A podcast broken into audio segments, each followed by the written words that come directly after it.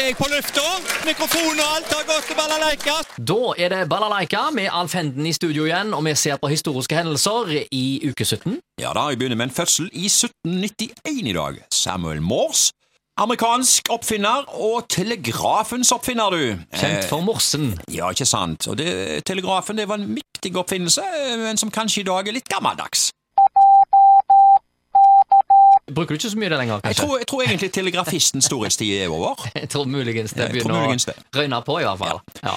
1976 ble Olaf Tufte født, norsk roer da, og medaljegrossist sådan, med to OL-gull og to VM-gull og flere sølv og bronse i en karriere som varte i hele 27 år, du, på toppnivå.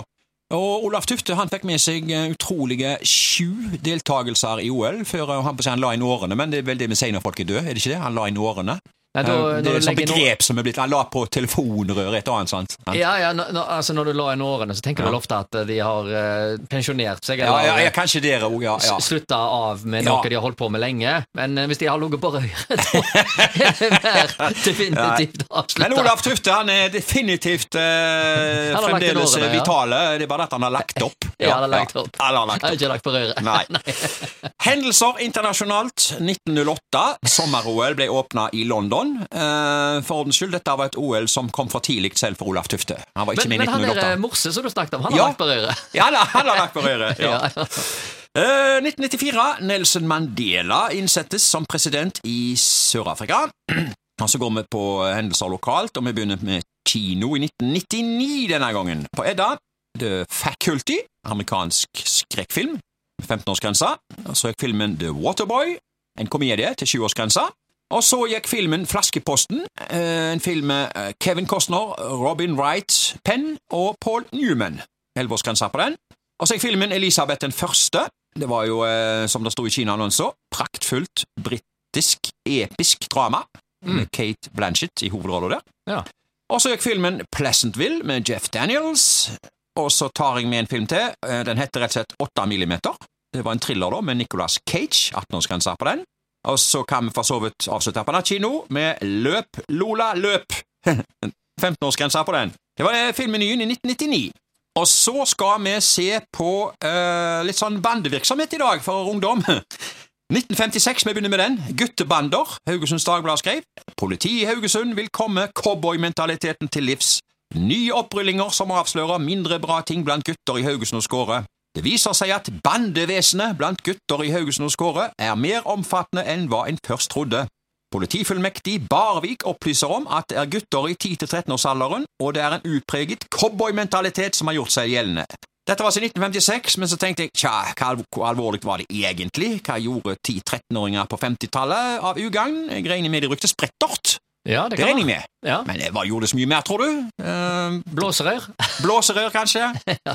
Litt hardere til verks i 1979 med, med russen. Nei, ja, hardere og hardere. Det var jo egne tomater, da. Eh, Ja, ja, tomater. Okay. Overskrift Haugesunds Avis. Russen må betale for hærverk på skolene. Blåmaling og tilgrising med egg og tomater meldt til politiet. Siterer videre at rød og blåruss terger hverandre er såpass vanlig at skolene stort sett ser gjennom fingrene på det, så sant det foregår innen rimelighetens grenser. Natt til onsdag overskred en del av årets russ denne grensen, og etter det Haugesunds Avis har brakt i erfaring, er politiet blitt bedt om å legge inn demper på altfor groteske utslag av russefeiringen. ok, groteske, faktisk. Ja, ikke sant. Det som skjedde natt til onsdag, var at blåruss fra Varafjell videregående skole gikk løs på Skeisvang videregående skole, hvor altså de røde holder til med blåmaling. De malte skiforheller ved hovedinngangen og en hel del søyler mellom hovedbygningen og kroppsøvingsavdelingen. Malingen satt såpass godt fast at skolen har måttet engasjere et malerfirma for å male over søylene igjen, opplyser rektor Johan Mjelde Nattvik til Haugesunds Avis. Rødrussen var imidlertid ikke et hår bedre. En del drev grassatkjøring Å ja, det, ja. Grassat, ja. rundt Varafjell videregående og kastet egg, råtne tomater og mel.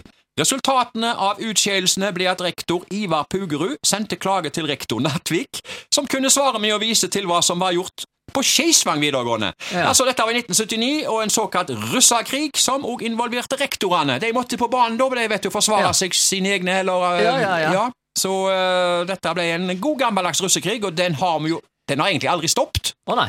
Altså, jeg er føler jo det at eh, det er mye roligere nå enn hva det var for eh, noen år eh, tilbake. Før var det jo vanlig at det var liksom noen feider mellom rødrussen og blårussen i Haugesund spesielt. Ja. Men nå virker det som om det går mer fordragelig. Det må jo være to år da, med litt sånn unntakstilstand, så de har jo knapt nok fått lov å oppleve russetid de to siste årene.